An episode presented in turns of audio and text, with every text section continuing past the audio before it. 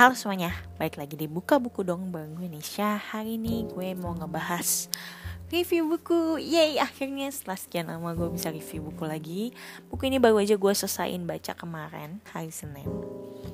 Uh, Buku ini judulnya adalah Atomic Habits by James Clear. Ini buku hadiah tukeran kado Natal. Thank you Vita buat kado bukunya.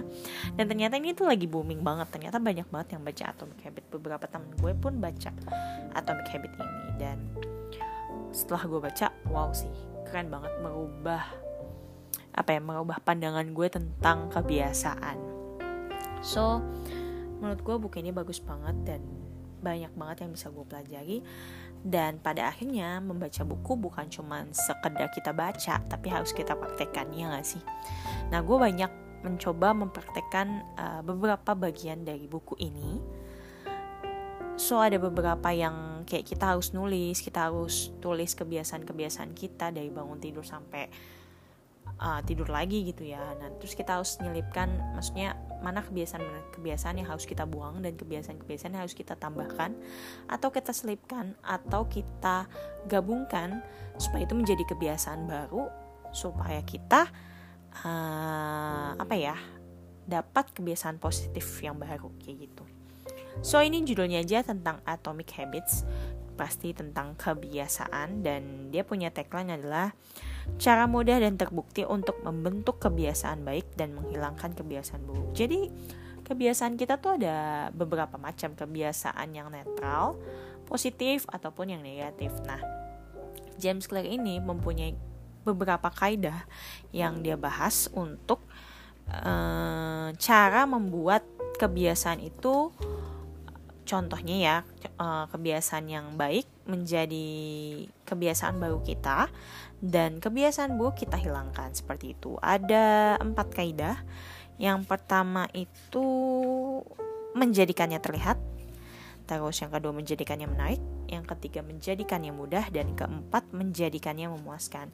Which is ini untuk kebiasaan baik yang mau kita bangun. Kalau misalnya kita mau bikin kebiasaan jelek atau buruk kita berkurang, berarti kaidah pertamanya menjadikannya tidak terlihat. Terus yang kedua menjadikannya tidak menarik.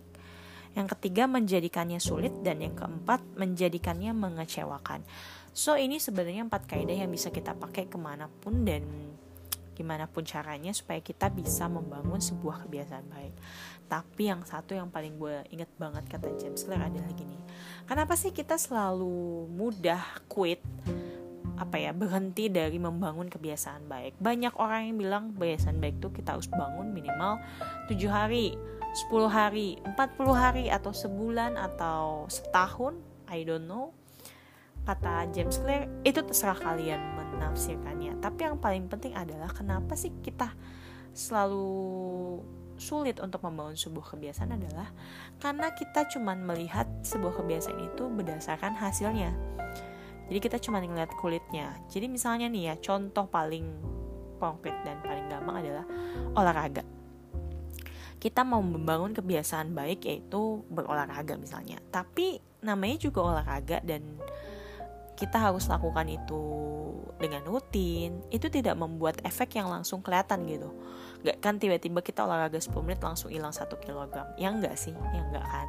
Nah dari situlah yang membuat kita berorientasi kepada hasil. Padahal James Clear ini mau kasih tahu nih sesuatu yang menurut gue penting banget. Ternyata jangan menjadikan sebuah kebiasaan itu berdasarkan hasilnya, tapi berdasarkan identitinya.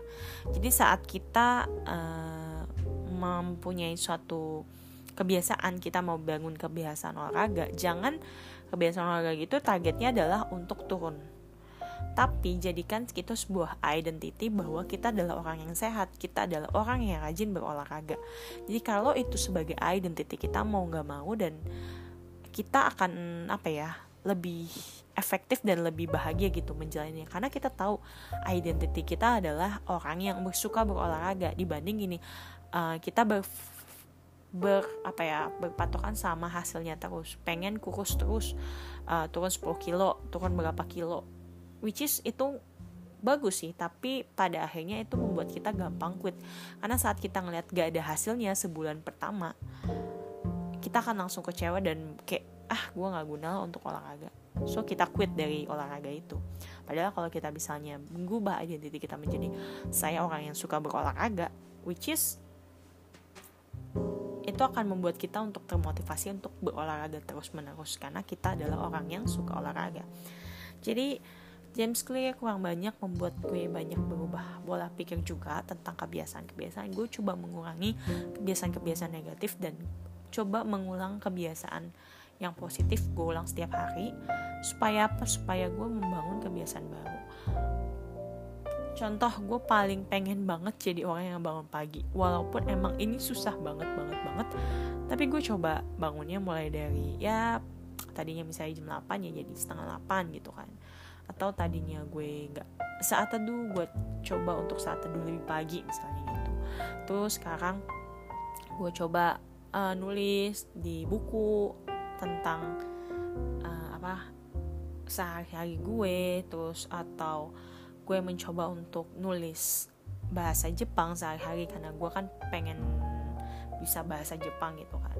Dan itu gue coba terapkin dan well kita lihat hasilnya karena ini baru seminggu dua minggu lah gue ngelakuin ini semenjak gue baca James Clear di Atomic Habit ini semoga buku ini yang gue baca buat bisa berfaedah buat gue dan kalian pun yang ingin baca Atomic Habit gue saranin baca sih. Apalagi kalau kalian orangnya yang uh, punya pola pikir susah membangun sebuah kebiasaan. Beneran sih ini the best banget lah menurut gue. Dan kalian yang punya ke kegigihan dan apa ya kesungguhan dalam membangun sebuah kebiasaan. Itu aja. See you next time. Bye bye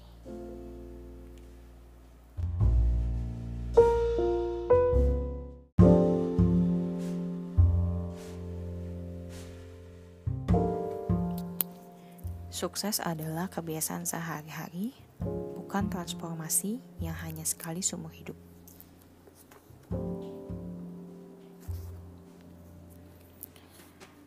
Kebiasaan sering kali muncul tanpa keistimewaan sampai Anda melewati suatu ambang batas kritis dan membuka pintu ke tataran performa baru.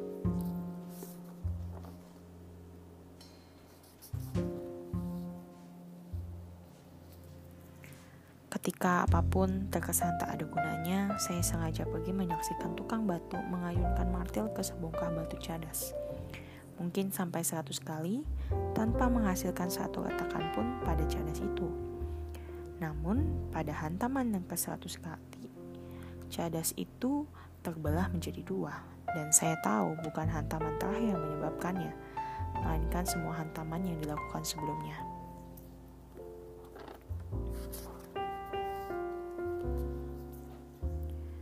Sasaran itu baik untuk menetapkan arah, tapi sistem adalah yang terbaik untuk mendapatkan kemajuan.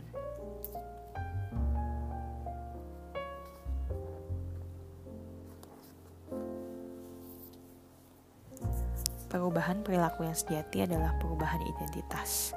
Anda mungkin memulai suatu kebiasaan karena motivasi, tapi satu-satunya penyebab yang membuat Anda bertahan adalah karena kebiasaan itu merupakan bagian dari identitas Anda.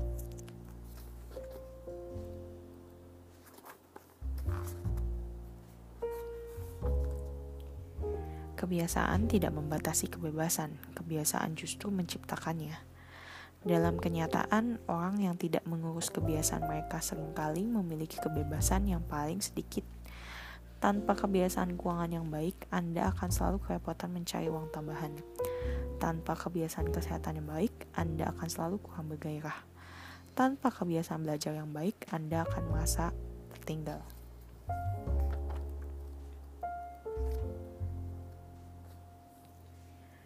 Proses perubahan perilaku selalu dimulai dengan kesadaran.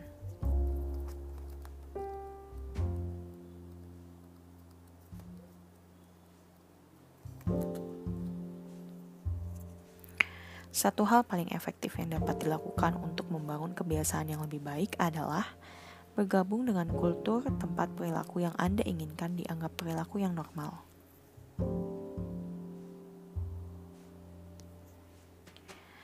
Identitas Anda menjadi terkait dengan orang-orang di sekitar Anda. Pertumbuhan dan perubahan tak lagi menjadi perjuangan individu.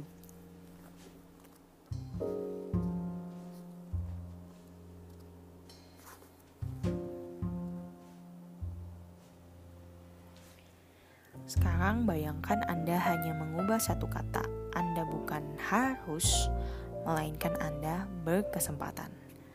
Cukup dengan mengubah satu kata, Anda mengubah cara Anda memandang peristiwa-peristiwa yang sama.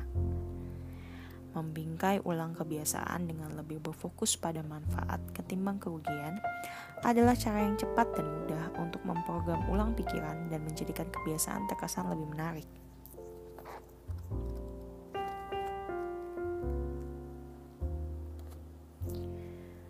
Ketika Anda in motion, Anda membuat rencana, membuat strategi, dan belajar.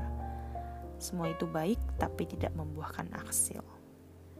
Sebaliknya, action adalah tipe perilaku yang memberikan hasil.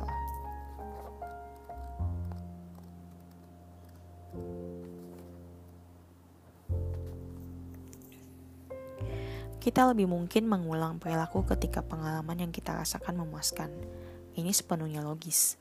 Merasa senang, bahkan meskipun remeh, seperti membasuh tangan dengan sabun yang harum dan berbusa yang banyak, menjadi isyarat bagi otak. Rasanya enak, lain kali dilakukan lagi. Kenikmatan mengajarkan pada otak bahwa suatu perilaku layak diingat dan diulang.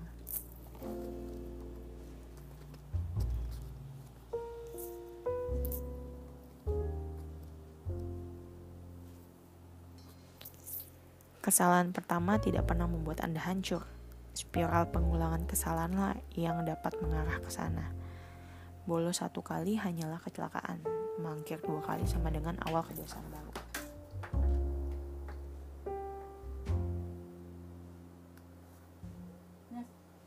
masih dipakai.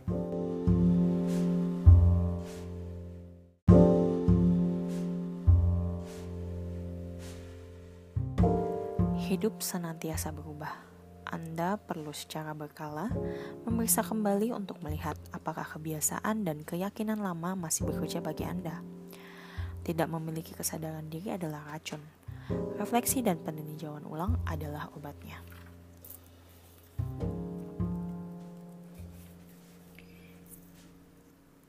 Miskin itu bukan memiliki terlalu sedikit, melainkan menginginkan lebih banyak.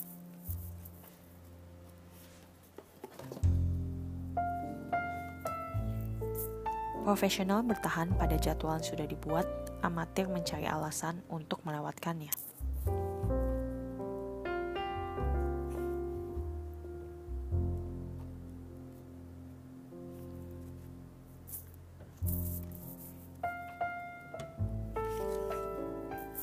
Berulang-ulang, selalu cari cara berikutnya untuk mendapatkan satu persen yang lebih baik. Rahasia mendapatkan hasil yang berkelanjutan adalah jangan pernah berhenti melakukan perbaikan.